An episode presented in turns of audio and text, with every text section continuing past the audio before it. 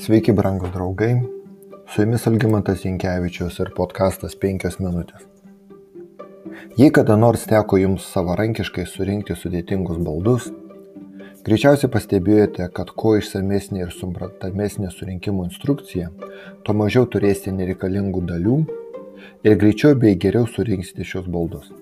Ir atvirkščiai Jei instrukcijos nėra arba ji yra, bet jūs jos nenaudojate pasikliaudami savo intuiciją, tada surinkimas gali virsti nemaloniu patyrimu ir padidėja tikimybė, kad padarysite ką nors kitaip nei gamintojo ketinimai ir atliks detalių. Bet tai tik baldai. Klausimas, ar viską darote teisingai savo gyvenime? O kaip ir ką daryti, kad gyvenimas būtų gerai sutvarkytas, be stresinių situacijų, viskas subalansuota? Ar yra instrukcija tokiam gyvenimo būdui? Kaip apskritai gyvenime kažką pasiekti? Skaitydamas Jozuės knygą atkreipiau dėmesį į paties Jozuės asmenybę ir jo požiūrį į tai, kas jam buvo įsakyta. Pačioje savo kaip Izraelio vadovo tarnystės pradžioje viešpats jam liepė.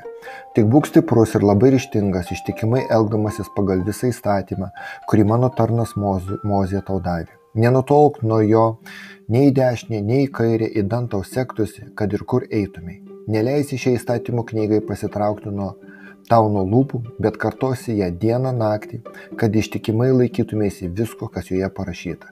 Tik tada padarysi savo kelią sėkmingą, tik tada tau seksis. Jozuės pirmas skyrius. Turime pasakyti, kad Jozu nebijotinai buvo apdairus, protingas ir sėkmingas lyderis. Galbūt net labai sėkmingas, nepaisant kai kurių klaidų. Visi žino, kad kuo stipresnis vadovas, tuo labiau, at, e, tuo labiau atsekama jo ir žmonių elgesio koreliacija. Apie žmonės Jozuės tarnavimo metu sakoma taip. Izraelis tarnavo viešpačiui per visą Jozuės gyvenimą ir gyvenimą seniūnų, gyvenusių ilgiau už Jozę, bei patyrusių visą, ką viešpats buvo padaręs Izraeliui. 24 skyrius Jozuės knygos.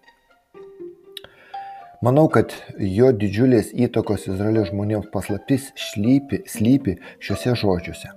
Kaip viešpas buvo įsakęs savo tarnui Mozijai, taip Mozija įsakė Jozui, taip Jozui ir pasielgė. Jis nepaliko nieko nepadaryta, ką viešpas buvo Mozijai įsakęs. Jozujas 11 skyrius. Šie žodžiai yra bene kilniausias Dievo tarno charakterio komentaras. Jis besąlygiškai vykdė kiekvieną Dievo įsakymą ir veikė visiškai pagal tai, kas skaitė įstatymo knygoje. Kai tik izraelitai įžengė į Kananą, jis juos apipjaustė, kad žmonės galėtų švęsti Paschą. Jis įsako pastatyti auką ant Ebalo kalno ir perskaito visus įstatymo žodžius su palaiminimais ir prakeikimais. Jis dalyja žemę tarp giminių ne pagal savo norą, pagal savo supratimą, bet kaip pats Dievas nusprendė, kur kam gyventi. Tai ir dar daugiau jis padarė, nors daugelis tai laikytų nereikalingais formalumais, o Jozuė tiksliai padarė.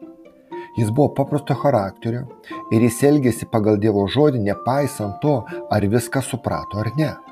Kai kurie žmonės yra ištikimų Dievui tik tame, kai jiems patinka, kas jiems patinka, arba to, ką gali visiškai suprasti ir su ko visiškai sutinka. Tačiau tikra ištikimybė Dievui siekiama visiškai vykdant jo valią.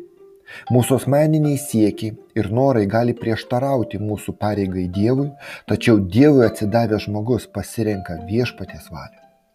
Kaip tikras karys, Jozue gerbė savo vado įsakymus ir atidžiai juos vykdė. Jis nepaliko ne vienos savo pareigos netliktos. Deja, šiandien daugelis žmonių patiria nesėkmę savo krikščioniškoje patirtyje dėl to, kad jie vengia vykdyti aiškiai Dievo valią laikydami ją kabutėse neprivaloma savo gyvenime. Arba dėl paprasto neišmanimo jie net nežino, ko viešpas iš jų tikisi.